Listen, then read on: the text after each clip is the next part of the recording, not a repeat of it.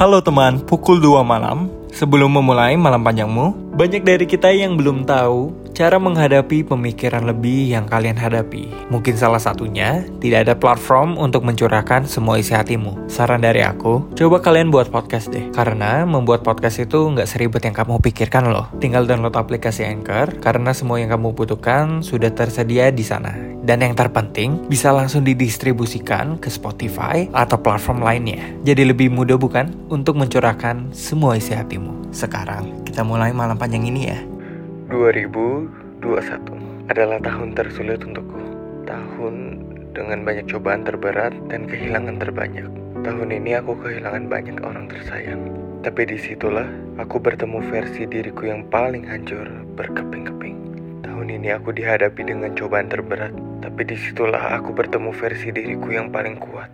Terima kasih ya 2021. Untuk semua pahit dan manis, sakit dan bahagia, masalah dan berkah, kehilangan dan pemulihan. Terima kasih sudah bertahan melewati hari-hari yang tak mudah semuanya terjadi.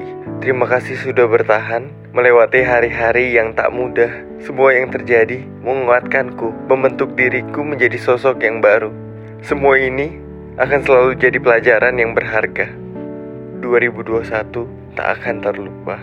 Dan selamat datang 2022 pukul 2 malam. So don't waste the time you have waiting for time to pass. It's only a lifetime that's not long enough.